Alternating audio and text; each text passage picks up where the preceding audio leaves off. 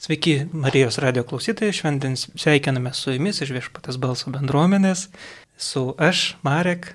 Marija. Aurelija. Ir šiandien, kaip visada, šnekėsime apie šios sekmadienio Evangelijos ištrauką ir pasidalinsime keliomis mintimis. Tai Marija gal perskaitytum. Evangelija pagal Joną. 14 skyrius nuo 1 iki 12 eilutės. Anuo metu Jėzus kalbėjo savo mokiniams. Tegul neįsigasta jūsų širdis. Tikite Dievą, tikėkite ir mane. Mano tėvo namuose daug buveinių. Jeigu taip nebūtų, argi būčiau pasakęs, einu jums vietos paruošti. Kai nuėjęs paruošiu, vėl sugrįšiu ir jūs pas save pasiimsiu, kad jūs būtumėt ten, kur ir aš. Kur aš einu, jūs žinote kelią. Tomas jam sako, viešpatie, mes nežinome, kur tu eini, tai kaipgi žinosime kelią. Jėzus jam sako, Aš esu kelias, tiesa ir gyvenimas. Ir niekas nenueina pas tėvą kitaip, kaip tik per mane. Jeigu pažinote mane, tai pažinsite ir mano tėvą. Jau dabar jį pažįstate ir esate matę. Pilypas jam sako, viešpatie, parodyk tėvą ir bus mums gana. Jėzus tarė, jau tiek laiko esu su jumis ir tu, Pilypai, vis dar manęs nepažįsti. Kas yra matęs mane, yra matęs ir tėvą. Tad kaip tu gali sakyti, parodyk mums tėvą. Nejau tu netiki, kad aš esu tėve ir tėvas manyje. Žodžius, kuriuos jums kalbu, ne iš savęs kalbu. Manyje esantis tėvas daro savuosius darbus. Tikėkite manimi, kad aš esu tėve ir tėvas manyje. Tikėkite bent dėl pačių darbų. Iš tiesų, iš tiesų sakau jums, kas mane tiki, darys darbus, kuriuos aš darau ir dar už juos didesnius, nes aš keliauju pas tėvą. Pradedant, kaip visada, manau, yra naudinga prisiminti tai, kas buvo prieš tai šitoje Evangelijoje, nes šita ištrauka tai yra dalis didžiojo ketvirtadienio tų įvykių, kurie buvo aukštinėme kambaryje. Ir tai yra pati pabaiga. Šitie žodžiai ten negūštau, jo jūsų širdis yra toks labai didelis pastiprinimas mokiniams, nes jie tuo metu jau turėjo būti tokioje labai smagioj būsenoj, kai Jėzus jau keletą laiko, kažkiek laiko šneka apie tai, kad jis eina mirti, jis ką tik jau buvo kojų plovimas, ką tik Judas jau išėjo padaryti savo darbą, Petras jau irgi išgirdo, kad jis tris kartus išsižadės. Kaip sakant, atmosfera ir įtampa toj, tam kambarį jau buvo tokia, na, pribloškianti. Ir Jėzus šitoj vietoje, aš manau, kad jis irgi bando taip juos sustiprinti ir nešti pasitikėjimą, drąsą.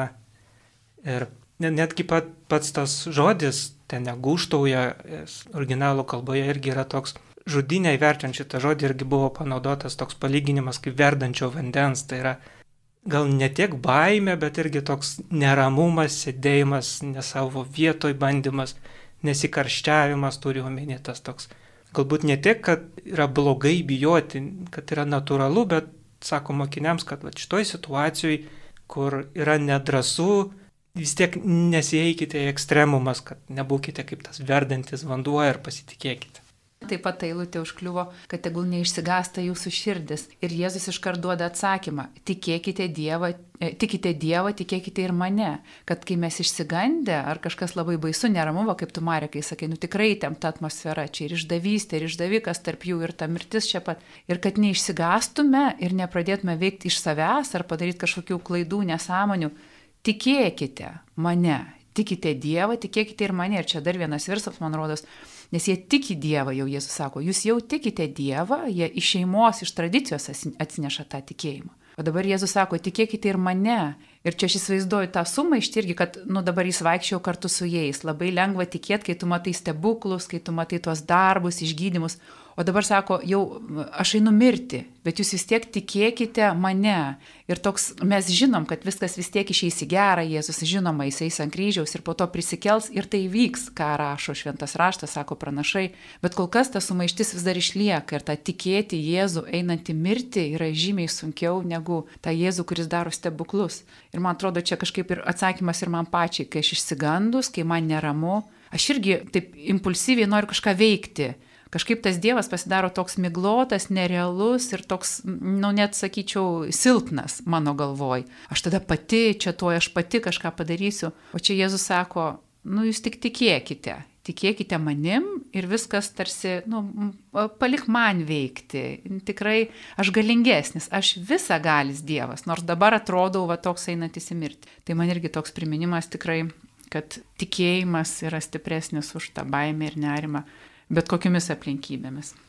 Man tai irgi kažkaip šita pati pirma eilutė labai kažkaip prakalbo su tokia ramybė į širdį, jog šitoje Evangelijoje pirmie Jėzaus žodžiai yra pasakyti, jog tegul neišsigąsta jūsų širdis ir jog Dievas ateina kaip ramintojas, kaip, kaip guodėjas, kaip tas, kuris į audrą gali įnešti tą visišką harmoniją, tokį pasitikėjimą, užlieti meilę. Ir jisai sako, tikite Dievą, tikėkite ir mane. Ir jog jisai kviečia, kad mūsų širdis, jinai būtų pilna, pilna tos ramybės. Ir taip gali būti tik dėl to, kad Jėzus kai Jėzus karaliauja ir viešpatauja mūsų širdyse, kaip tas, kuris yra ramybės princas, mūsų mylimasis, kaip tas, kuris yra visuomet šalia, kuris tarsi laiko e, mūsų kiekvieno širdį savo delnuose ir, ir, ir tiesiog ją saugo ir ramina mus kiekvienoje mūsų gyvenimo situacijoje. Ir man tai kalba apie tokį Dievo jautrumą mums, apie jo gerumą, apie tai, kad jis yra toks labai labai artimas ir žino, ko mums reikia visada.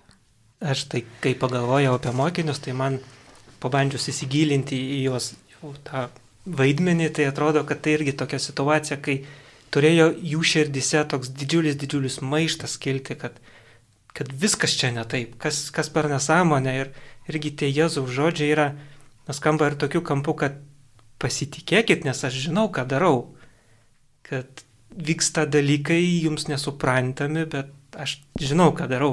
Ir, ir toliau tie Jėzų žodžiai, kad aš einu paruošti tą namus jiems, ne, kad pas mano tėvą daug buveinių ir ta buveinė.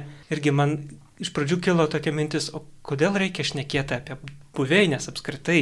Ir na, man buveinė arba namai, kaip kitose vertimuose rašo, irgi asocijuojasi su tokia saugia vieta. Ir tarsi Jėzus pažada, kad aš einu paruošti jums na, savo vietą, kažką saugaus. Na, vis, visiems turbūt namai asocijuojasi su saugumu. Arba su, su stabilumu, su vieta, kur aš galiu būti, kur aš galiu pasidėti savo daiktus, kažkas, kažkas mano. Ir kažkurio momentu aš irgi tai pagalvoju, kad kokiems žmonėmis tai sako.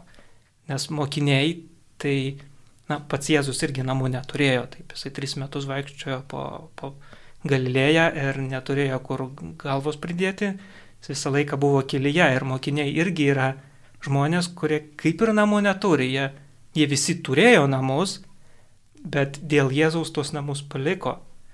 Jie atsisakė savo namų, kažką paukojo ir dabar irgi kaip ta situacija, kai jie mato, kad viskas grūna. Ir turbūt tas didžiulis nusivylimas, kad palikau namus, palikau šeimą, radau mokytoją, mačiau stebuklus. O dabar kas ir kodėl to reikėjo? Man šitos pirmos eilutės yra irgi labai apie tą tokią nusivylimą momentą, kai tu nusivili Dievu, kur atrodo, kodėl to visko reikėjo, ką aš pasiekiau, praėjo tris metai su Jėzumi ir dabar, ir dabar kas? O Jėzus sako, kaip tik žmonėms, kurie visko atsisakė, kurie neturi namų, sako, aš einu paruošti, aš einu ten. Ir irgi vienam komentarė man irgi labai gražiai patiko mintis, kad o kodėl reikia kažką ruošti? Pasaulis buvo sukurtas per septynias dienas, viskas yra paruošta, gatava. Kodėl dabar Jėzui reikia eiti ir dar kažką daryti, kažką ruošti? Ir labai tokie gražūs žodžiai man patiko, kad dangus be Jėzaus tai yra netinkama vieta būti krikščioniai. Ir kad visų pirma, Jėzaus paruošimas tos namų tai yra apskritai nuėjimas ten. Nes po mirties, jeigu mirsim ir nesutiksim Jėzaus, tai, tai kas iš to tada vėl? Tai ne, tik tai, kad aš paruošiu, bet man irgi apie tai, kad Jėzus, pats jo buvimas yra labai svarbus, kad tie namai būtų paruošti. Man irgi tas labai patraukė žodis buveinės ir aš dvi kryptis turiu, mąstydama apie šitą žodį. Tai va viena kažkaip irgi man iškilo, kad, nu, Jėzus čia aiškiai kalba apie tą pomirtinį gyvenimą, kas bus po mirties. Ir jisai tikrai žino, kas ten bus irgi kaip ir tu, Marija, kai skaičiau komentarą, komentatorius aiškino, kad, e, tarkim, antikos laikais, kai graikai, filosofai buvo mąstytojai, tie tikrai viesuliai tų laikų, tai jie spėliojo, kas bus po mano mirties. Gal bus taip, gal bus anaip. Ir Jėzus nespėlioja. Jis tikrai žino, jis tikrai žino, kad yra pamirtinis gyvenimas, jis tikrai žino, kad jis grįžta pas tėvą ir tikrai žino, kad ten yra tos buveinės ir jis lauks nuėjęs žmonių. Tai va, tai čia tokia yra didžiulė paguoda mm, žydams, kurie irgi ne, iki galo, vat, mes tos ginčius skaitom, tai yra kažkas, nėra po mirties. Toks patvirtinimas ir paguoda, kad yra tas antgamtinis, amžinasis pomirtinis gyvenimas ir Jėzus jų lauks, niekas nesibaigs. E, tai ta viena dalis e, tokia paguoda ir gedintiems žmonėms, skaičiau, kad šitas, šitą ištrauką dažnai skaitoma per laidotuvės arba ją skaito žmonės, kurie išgyvena netikti ir kad tai guodžia, kad nieks nesibaigia, yra tie namai po mirties ir tie mano artimieji yra namuose su Jėzumi. O kita kryptis, mm, e, buveinė, tą patį žodį naudoja ir Teresė Vilietė savo knygoje Vidinės pilies buveinės. Ir jinai irgi šitą ištrauką 14, e, Jono 14 skyrius e, savo knygoje irgi pažymė, e, vadindama tas buveinės, sielos buveinės. Tai va mes kalbam apie tą dangų, rojų, pomirtinį gyvenimą su savo buveinėm, bet mūsų dvasinis gyvenimas čia, mūsų siela taip pat turi tas buveinės. Ir aš kažkaip labai taip irgi pajutau, kad Jėzus irgi ten vaikšto ir mums ruošia vietą, nes mes po savo sielą irgi tik tai klaidžiam, jeigu ten nėra Jėzaus. Kad pačioj toj, tuose rūmose mūsų, kaip baterėse Vilietė sako, tai deimantų rūmai, nepaprasto grožio pastatas. Ta prasme, tai yra su daugybė tų nu, buveinių, ten septynios, bet tų kambarių ten milijonai. Ir mes pasiklystume savo sieloje, jeigu į pačiam centre nebūtų Jėzus, kuris ruošia vietą, vedžioja ir veda į tai, kas mes esame iš tikrųjų. Tai man ta kažkaip labai irgi buvo tokia mintis apie dvasinį mūsų gyvenimą, kaip Jėzus reikalingas mūsų dvasiniam gyvenimui. Ir aš tą amžino gyvenimo paralelę taip savo persikėliau į va, mūsų dabartinį gyvenimą su Jėzumi. Ir kai toliau jisai sako, aš esu kelias, tiesa ir gyvenimas, tai aš jau įsivaizduoju tą savo sielos buveinės ir kokį jisai kelią, tiesą ir gyvenimą piešia mums šioje žemėje. Tai va galėsim turbūt padiskutuoti, nežinau, kad truputį tie žodžiai, aš esu kelias, tiesa ir gyvenime mums visiems daug asociacijų kelia. Ir labai įdomu bus jūs išgirsti ir aš taip pat norėsiu dar pasidalinti, Marija, tu sakei, mąstei. Tai aš turiu tokius kaip ir palyginimus apie kelią, tiesą ir gyvenimą, kuriuos aš esu išgirdus iš kitų misionierių, kai jie dalinasi, kalbėjosi ir man tai paliko tokį gilų įspūdį, kad e, noriu ir su jumis visais pasidalinti. Tai Jėzus sako, aš esu kelias, tiesa ir gyvenimas. Tai pirmiausia, kalbant apie tą kelią. Jėzus mums aiškiai palieka tas nuorodas, jisai aiškiai mums sako, kaip mums sekti juo, ką daryti, jis mums viską palieka, jis duoda tarsi tą žemėlapį mums, kuriuo kiekvienas iš mūsų galime naudotis. Ir palyginimas būtų toks. Įsivaizduokite, jeigu jūs pakviečia į svečius žmogus ir duoda savo namo adresą. Ir e, jūs įsivedate į savo navigacinę e, sistemą programėlėje per telefoną arba į GPS, įsivedat tą namų adresą ir jums parodo kelią, kaip reikia važiuoti, kur reikia sukti, viską jūs žinote. Bet jūs sakot, ai tai nereikia, aš vietoj sukti į dešinę, aš suksiu į kairę. Vietoj važiuoti tiesiai, aš pasuksiu į šoną. Ir e, tokiu būdu mes negalime tiesiog pasiekti to namo. Nors kiekvienas mes esame įgalinti tiesiog sekti tuo, nu, vat, tuo keliu, mes norime kartais tiesiog sukti kažkaip į šoną, į vieną, į kitą, ten, kur mūsų neveda. Ir galiausiai uh, Mes apvažinėjom tiek daug ratų per purvus, per visokias duobes ir mums padangą nuleidžia. Mums reikia ir į benzino kolonėlę sustoti, prisipilti degalų, mums reikia tiek daug dalykų tada pasidaryti ir jau galiausiai, kai pasiekėm tuos namus, po tiek daug laiko važiavimo ir tuksenami tas duris ir mums atidaro duris. Ir mes gal, tada esame tokie pikti, susierzinę ir pykstam ir murmam, tai kaip tu čia taip toli gyveni, tai čia žiūrėk, aš važiavau taip tokiais ratais, kaip čia buvo viskas sunku ir kaip čia viskas negerai. Bet Jėzus mums atsako, aš tau daviau žemėlapį, aš tau sakiau, kur reikia pasukti, aš sakiau, kaip reikia atvažiuoti. Ir kartais aš pasirenku e, visai kitus kelius, negu kad Dievas nori ir negu kad Dievas kviečia. Ir šitas palyginimas man labai strigo, nes jis toks labai uh, būtiškas, labai toks apčiuopiamas. Uh, tai per ką mes, nu, bet uh, tikriausiai kiekvienas, tikriausiai kiekvienam teko eiti per tai, kur atrodo, ai, tai aš geriau žinau. Čia taip Dievas sako šitaip, arba aš žinau, kaip turėčiau daryti, bet uh, kaip būtų geriau, bet aš darysiu savaip. Tai, tai čia toks palyginimas apie tą kelią, kad nenuklysti ir žiūrėti į viešpatį, kad jisai atveda. Aš čia dabar tokį, tikrai tavo toks gyvas pasakojimas, o aš kaip tik turiu užsirašęs Jono Paulius II citatą, kuri nu, apibūdina, kaip, vat, kad popiežius e, tą kelionę vadina, kad tai kelionė visiškai palaikoma malonės ir sikiu reikalaujanti didelių dvasinių pastangų, pasižyminti skausmingais nuskaistinimais, kaip tu sakai, ir padangą nuleidžia, ir tikrai ne viskas vyksta taip, kaip norim, tačiau sikiu įvairiais galimais būdais vedanti į neapsakomą džiaugsmą, mistinį išgyvenimą, kaip vestuvinė sąjunga.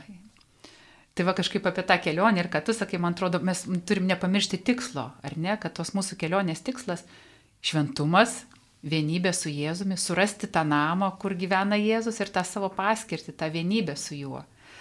Ir kažkaip jau aš tada grįžčiau prie tos mm, e, vidinės pilies ir mūsų tos vidinės kelionės, kad mes tikrai einam per tokius nuskaistinimo etapus, ar ne? Ir tada mums reikalingas e, žemėlapis, o Jėzus sako, aš esu kelias. Jis sako, net ne tai, kad aš parodysiu kelią, aš esu kelias. Tai va kažkaip aš irgi taip savo pasėmiau, kad jeigu aš noriu eiti, man reikia Jėzaus. E, ir kas man tas Jėzus kaip kelias, tai aš turiu jį šventam rašte kaip žodį, aš turiu jį adoracijoje, sakramentuose, Ir va kažkaip taip atradau, kad tai ir yra kelias kartais, išoriai nieko nevyksta, ar ne, va jeigu mes, kaip tu sakai, važiuojam mašina, mes matom, kaip keičiasi miestai, kaip keičiasi vietos, bet kartais tai būna, kai keliauju tą savo vidinį gyvenimą, mano išoriai niekas nepasikeičia, žmonės nemato jokių pokyčių, aš nei ten kažkokių turiu e, minių sukvietusi, nei kažkokių darbų nudirbusi, bet viduje tas kelias eina ir per tą Jėzų kaip kelią kažkas man jie keičiasi kas mane erzino, dabar erzina mažiau, kas man kėlė pyktį, kelia dabar atjautą, kas man kėlė baimę, dabar kelia galbūt meilę. Ir kažkoks vidinis e, virsmas žingsnį po žingsnį, po mažą, mažą žingsniuką, vien tik dėl to, kad aš būnu su Jėzum, kad aš skaitau jo žodį, kad aš klausau jo žodžio, kad aš sėdžiu veidas prieš ją, aš jaučiu, kaip jis, tava ta malonė, kaip Jonas Paulius II sako, ta malonė man jie daro savo darbą, o man reikia tik pastangų ateiti pas jį išbūti su juo ir vat kantriai laukti, kol jis tą darbą mane nudirbs. Tai va tiek apie kelią. Tai aš tada pratęsiu apie tą tiesą. tai e, ta tiesa yra, e, jog e, irgi per tokį palyginimą pasakysiu. Įsivaizduokime, jog esame namuose ir aš esu su jumis kartu. Ir aš išeinu į kiemą ir aš pamatau tenai gyvatę. Ir aš einu ir jinai man gali įkast. Tai aš tiesiog greitai grįžtu namo ir e, aš jum pasakau, aš mačiau laukia gyvatę, jinai gali tau įkast, neik į lauką. Ir tada, nu tarsi, tu žinai tą tiesą ir tu turi savo pasirinkimą, tu turi laisvą valią. Bet nori, išeini į lauką, tau gyvatė įkanda ir ten ir skauda, reikia ir ligoninę važiuoti ir visa kita. Arba gali pasilikti namuose tol, kol gyvatė nu, tarsi pasitrauks ir, ir viskas bus gerai. Ir irgi man kalba apie tą tiesą, kad Dievas mums, jisai siunčia tą, tarsi jis dovanoja mums išminties, mes turime tą protą, kurį Dievas mums davė, jis, e, Dievas yra e, apreiškęs save per savo žodį, per šventą raštą. Ir mes galime pažinti tą tiesą, kuri yra Jėzus. Ir galbūt kartais taip pat irgi mes nenorim išgirsti tos tiesos ir renkamės daryti savo kažkokias lengvas tas uh, kasdieninės nuodėmės ar, ar kažkokius irgi kitus dalykus, nenorėdami matyti. Uh, man tai irgi kalba apie tai, kad Dievas visuomet perspėja. Jis pasako, kokia yra tiesa. Ir tiesa yra ta, kad mes be Dievo mes nieko negalime nuveikti. Visą mes galime tik su juo, jame ir per jį. Ir nė, nu, nėra kitos išeities. Ir tai yra ta tiesa, kad mes esame Dievo vaikai, esame pašaukti į amžinybę. Ir, ir tai yra ta tiesa, kurią mes turime gyventi.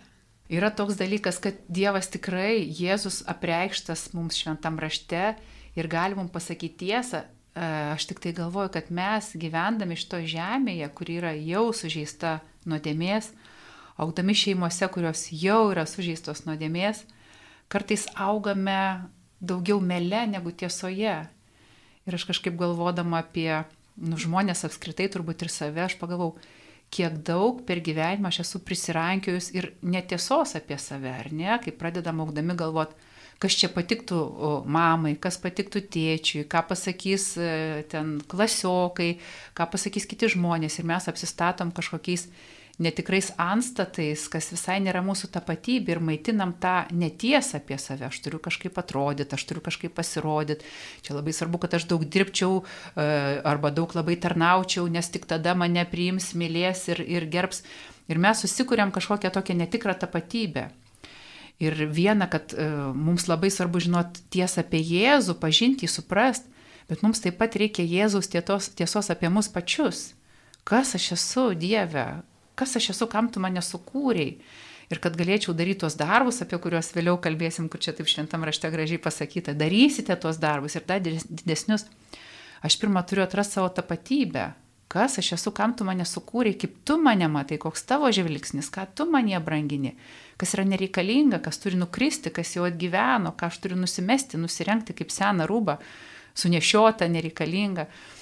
Tai va, tai aš čia mačiau apie tą tiesą, kad man labai reikia Jėzaus tiesos, kad jis man dabar pasakytų, nu, kad aš jau nebegirdėčiau tų balsų savo galvoj, ten daryk taip, nedaryk taip, o išgirščiau, ką jis nori manyje matyti, ką jis mato. Taip, ir tikriausiai mes galime tą pažinti ir tuo gyventi tuo met, kai Jėzus yra mūsų gyvenimas. Ir man tiesiog noris netgi klausti, kiek Dievo yra mūsų gyvenimuose, kiek Dievo yra mano gyvenime. Ir irgi tuomet tarsi yra tas palyginimas, kur Jėzus ateina pas mane į mano namus ir aš jam galiu sakyti, Jėzau, jauskis kaip namuose, jauskis kaip namuose. Ir, bet ar aš leidžiu Jėzui iš tikrųjų apsigyventi? Ne tai, kad jaustis kaip namuose, bet būti namų netgi šeimininku. Ir kaip aš reaguoju, jeigu Jėzus pradeda stumdyti, perstumdyti baldus mano namuose, kaip jisai įsikūrė tenai, ar, ar aš vis dar noriu, kad jisai gyventų mano širdyje, ar, ar vis dar gerai, Ar aš leidžiu e, jam turėti ne namų raktų kopiją, bet tiesiog savo raktus aš jam galiu atiduoti, vienintelius, kuriuos turiu, ir žinoti, kad jis yra šeimininkas ir kad jis saugo šiuos namus, kad jis yra ta, tas karalius mano širdies. Ir netgi tokia mintis kyla, ar aš galiu pasakyti, jog Jėzus, jog Dievas yra tiesiog mano viskas, mano Dievas ir mano viskas. Ar aš tuo gyvenu, ar mano širdis gyvena Kristuje, ar Kristaus širdis yra mano širdyje. Aš irgi galvoju, kai mes jau esam su Jėzu, atrandam tą savo tapatybę, tą tokį tikrai artumą, įsiklausimą, kažkaip tada prasideda tas gyvenimas, tikrasis gyvenimas, dėl ko Jėzus ir mirė ant kryžiaus. Sako, aš jums duodu gyvenimą, apšiai gyvenimą. Aš paimu jūsų negandas, jūsų ligas, paimu visus sunkumus, kad jūs turėtumėt gyvenimą. Apšiai gyvenimą ir va tas, į ką esam pašaukti ir kur šventieji atranda tą džiaugsmą, vienybę su Dievu. Tai gal turbūt tas ir yra gyvenimas, o tai, ką mes kuriam patys, lipdom po gabaliuką, įsivaizduojam, tai yra toks parengėmieji, nežinau, žaidimas mėlio dėžėjai gal ar kažkas, bet tas tikras gyvenimas prasideda tada, kai mes tikrai einam su juo ir turim jį savo namuose kambarį, savo širdies kambarį. Na taip, ir toliau šnekant apie kelią, tiesą ir gyvenimą, bet kažkurio momentu labai supratau na, asmeniškai tą mokinių poziciją ir tos jau klausimus, kur sako, tai mes nežinom, kur tu eini, arba parodyk mums tėvą, nes mes jo nepažįstam. Ir atrodo, na iš tikrųjų, koks yra tas kelias, arba kas yra tas tėvas, yra aktualūs klausimai, kuriuos irgi pačiam sunku yra atsakyti. Ir aš kažkurio momentu gal iš filmų įsivaizdavau tokią sceną arba iš kažkokio paveikslo, kai tiesiog kelias ir kai Jėzus sako, kad aš esu kelias, tai tada klausims, o, o kas yra tada tikslas? Jeigu Jėzus kelias, tai kas tikslas? Ir iš to vat paveikslo irgi man toks labai ryškus įspūdis, kad aš nematau, kur kelias baigės, aš žiūriu į paveikslą ir nematau. Ir Jėzus yra kelias, bet mes nežinom, kas ten. Jėzus daug kartų bandė pasakyti, kad taip, ten, ten yra tėvas, bet kas ten konkrečiai ir iš tikrųjų, tai yra mums paslaptis. Ir jeigu mes matom kelią, mes irgi matom ir pakraštį, tai dabar eiti keliu ar nedrasiai eiti pakraščių, nu kaip ir tą pačią pusę, irgi, nu kaip ir pakankamai gera danga, bet dar nu, ne kelias. Ir tavat mokinių pozicija, kur sako, parodyk mums tėvą ir mums, mums bus gana. Ir tas irgi tarsi atrodytų, kad mokiniai net pažino Jėzuje pat, na, Dievo. Jie pažino Jėzų kaip mokytoją, bet nesugebėjo jame pamatyti Dievo. Ir kai Jėzus jiems sako, kad tiek laiko esu su jumis, jūs man nepažįstat. Ir atrodo, irgi man toks staigus iš karto klausim, bet tai, o tai kiekgi tu laiko su jais buvai? Nepilni tris metai. Taip, Jėzaus, na, visa Jėzaus misija buvo tris metai, tada Kažkiek užtruko, kol jis juos visus surinko, kažkiek laiko jie buvo atskirai, na, du su pusę metų jie pažįstami. Ir atrodo klausimas, ar du su pusę metų yra pakankamas laikas? Vat žiūriu dabar Aurėja Marija, nu, du biški daugiau negu du su pusę metų pažįstami. Ar, ar mes pažįstami? Tai taip, taip, taip, nu, nu, bet taip jau tikrai, tikrai giliai, kad aš galėčiau pasakyti, žiūrint į jūs, pasakyti, koks jūsų tėvas yra sunku ir, ir kaip ir suprantama ta mokinių pozicija, kad mes matydami tave, mums yra sunku matyti Jėzų, bet irgi yra tame tokia kaip ir pagoda, kai aš mintise savo vaikščiau šią temą, tai kad yra tame tekste, yra tame tokia detalė, kad Jėzus labiau pasitikė mokinių pažinojime tėvę negu patys mokiniai. Nes jis kaip ir sako, jūs pažįstat. Jėzus jiems sako kaip faktą, tik tai mokiniai nenori to fakto priimti. Ir e, taip mes norime pažinti labiau, mes norime pamatyti. Mums neužtenka tik tai žiūrėti Jėzų ir tada sakyti, kad, o, kažką ten jau žinau. Mes norim žinoti daugiau, bet irgi neatmesti to fakto, kad iš tikrųjų kažką tai mes iš tikrųjų žinom. Ir, na, tie du su pusė metų šiaip tai jau irgi yra kaip ir ko gero gana pakankamas laiko tarpas, kad atrasti ten kažkokį kelią. Ir aš irgi išsinešiau vieną tokią mintį iš vieno pamokslo, tokio Dominikono Lenko, kur jis, jis pasakojo apie tėvę mūsų maldą. Ir irgi buvo jame tokia mintis, kad kai mes melžiamės, tiesė tavo valia, tai kad tai yra iš tikrųjų, na, truputėlį pavojinga malda, nes kartais nelabai supranti, va, sakai žodžius, bet jeigu juos įsiklausyti, tai na, jeigu aš tai sakau, tai turėčiau su to sutikti, o tai yra pavojingi žodžiai. Teisė tavo valia tai yra nu, atsidavimas ir jeigu sakyti tai susikaupus ir suprantant, ką tu sakai, tai gali pasidaryti baisu. Ir irgi, na, kai sakai šito žodžius, teisė tavo valia, ar tikrai jokių būdų nežinai, kokia jinai yra? Nu, juk, vis tiek mes kažką galim pasakyti. Na, turbūt niekas nesiginčys, kad tėvo valia yra, kad būtų saugus keliai. Tai kaip ir tas kelias būtų, na, neviršit greičio. Ir, ir tokių labai daug yra vairių pavyzdžių, kai aš sakau, kad aš nepažįstu Dievo, bet, na, aš turiu dešimt įsakymų. Tai reiškia, tai daug ką pasako apie, apie Dievą. Ir tarsi man norėtųsi neikti, kad va, aš čia bendruomeniai keturius metus, ar kiek, jau nežinau kiek, ir kad niekas nepasikeitė, nepažįstu Dievo, neturiu santykių, neturiu nieko. Ar tai tiesa? Turbūt, kad ne. Vis tiek kažkokios informacijos mes ją nuvertinam, mes norim kažkokių tai stebuklų, kažko, kas labai ži, žyba, šviečia, kas būtų tokio, ko neįmanoma nepastebėti, va, tokio dramblio didžiulio, bet mes turim begalę daug informacijos, patys žinom. Man tai patiko, ką tu pasakėjai, Marekai, va, kad e, ar žiūrėdami vienas į kitą galim pamatyti tėvą, ne? E, jo, ar va, mes tiek pažįstam ir man tokia mintis dabar staiga atėjo. Bet tai kaip būtų, jeigu aš žiūriu į tave ir aš matau Jėzų? Ar ne? Ir jeigu mes tą turėtumėm žvilgsnį. Aš važiuoju į Mariją ir aš žinau, koks yra Jėzus. Ir kažkaip prisiminiau, kai mes visi kartu buvom čia seminare, e, Damian Stein, jisai sakė, kai jisai sutiko Rainer Kantalamesą ir sako, žiūriu į jį ir eina tiesiog šviesos šuorai iš viso veido. Ir kažkoks žmogus jį sutikė, sakė, kai žiūriu tavo veidą, aš tikiu Dievą. Tai aš galvau, kaip, kaip būtų nuostabu pasiekti Dievo pagalbą tą lygį, kad aš matyčiau Jėzų kiekviename, bet ir mane žmonės žiūrėdami sakytų, aš tikiu Dievą, kai žiūriu į tave. Tai va, man atrodo, čia būtų toks turbūt aukščiausias išsipildymas mūsų žmogiškos, žmogiško gyvenimo. Tai man kažkaip irgi skamba tokie du žodžiai - žinau ir pažįstu.